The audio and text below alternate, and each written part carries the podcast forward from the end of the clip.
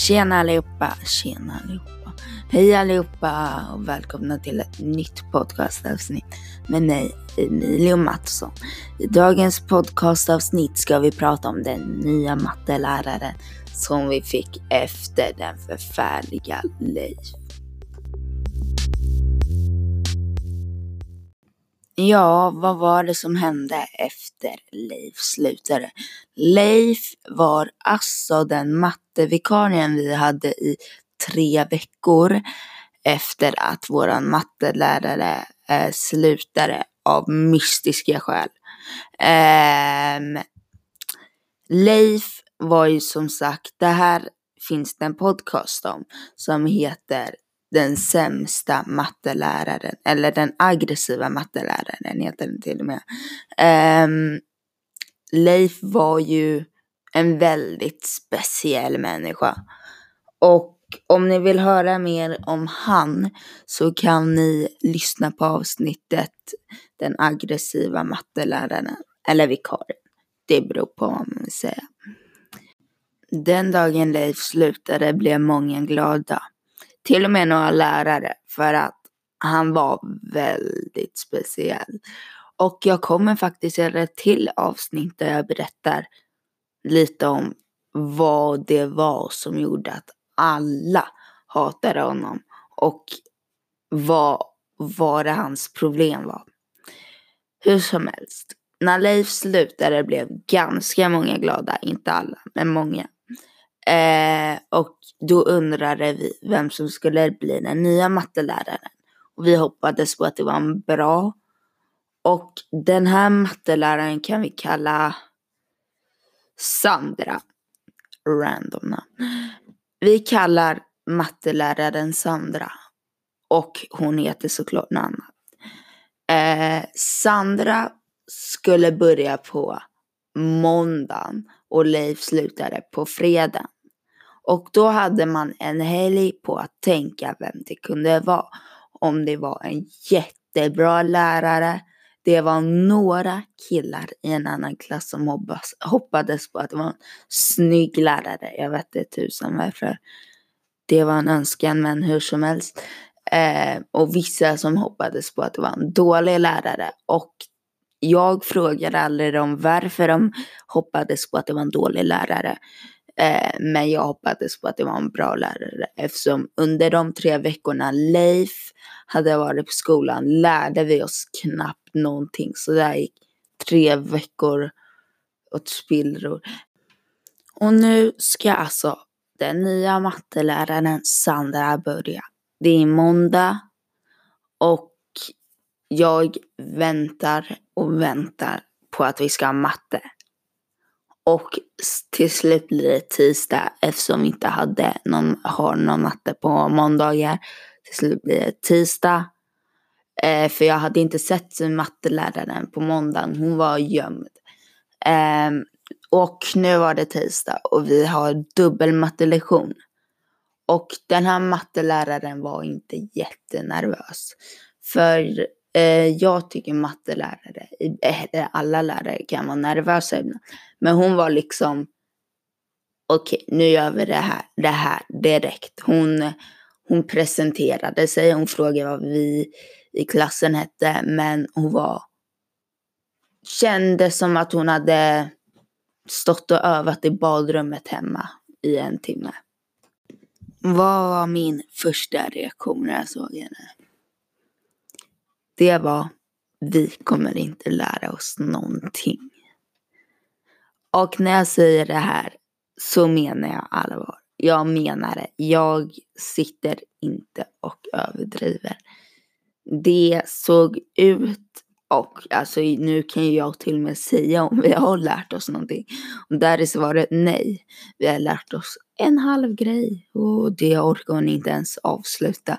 Um, vi har jobbat mycket i en mattebok och jag är inte säker på om det är varför. Alltså hon kom in mitt i terminen och eh, jag är inte säker på om hon är så här, har fått koll på allting.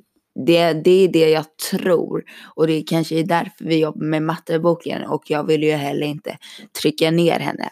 Eh, för att hon gör faktiskt ett bra jobb.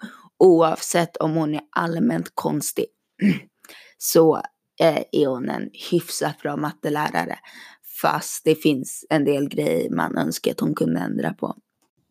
Och sen de här killarna som eh, hoppades på att vara en snygg lärare, deras hjärtan hjärta och ögon måste ju ha blivit väldigt besvikna. Och de själva, de blev nog också väldigt besvikna. Eh, varför egentligen? Egentligen jag tror att vi inte lär oss några nya arbetsområden är för att hon inte vill eh, börja på någonting mitt i terminen så här när det här, eh, hon eh, började väldigt konstigt. Hon hoppar in i mitten av en bok. Hon säger att vi ska börja jobba. Okej, okay, ja. Mm. Men alltså jag tror att vi kommer. Hon har nämligen oss i NO också. Två NO-lärare. Och hon har oss varje dag förutom på tisdagar. I NO så lär vi oss mer än på matten. Mm, jag skulle nog säga att hon är bättre på NO än på matematik. För att eh, elever kan svara snabbare på tal än henne. Det tar exakt tre minuter för henne. Inte exakt men runt tre minuter. En gång tog jag tid. Jag tog tid för att jag ville veta. Och det är därför jag säger det. Den här läraren har en förmåga av att peta på folk med sitt beniga finger. Hon går runt och petar på alla hon kan se. När man gör något fel, då ska hon fram och börja peta och sen vara en halv centimeter nära ansiktet. Typ som att jag skulle vilja känna hennes andedräkt än i det öronen. Mina öron vill nog inte ha hennes andedräkt, tack ändå. Eh, men jag skämtar inte, det är många problem med henne problem, problem. Och om hon hade lyssnat skulle jag faktiskt kunna säga någonting till henne. Fast det kommer jag inte göra nu. Det får jag göra i verkligheten. Ehm, um, förvänta er inte att det var något bra. Um, det var inte något dåligt heller. Uh, nu får jag tacka för att ni har lyssnat på det här podcastavsnittet. Och det här podcastavsnittet skulle egentligen inte ha kommit ut um, när ni lyssnar på det.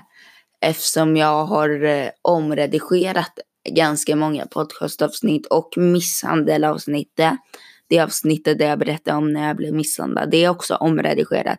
Så det är alltså eh, nya ställen och nya pratgrejer eller vad man säger.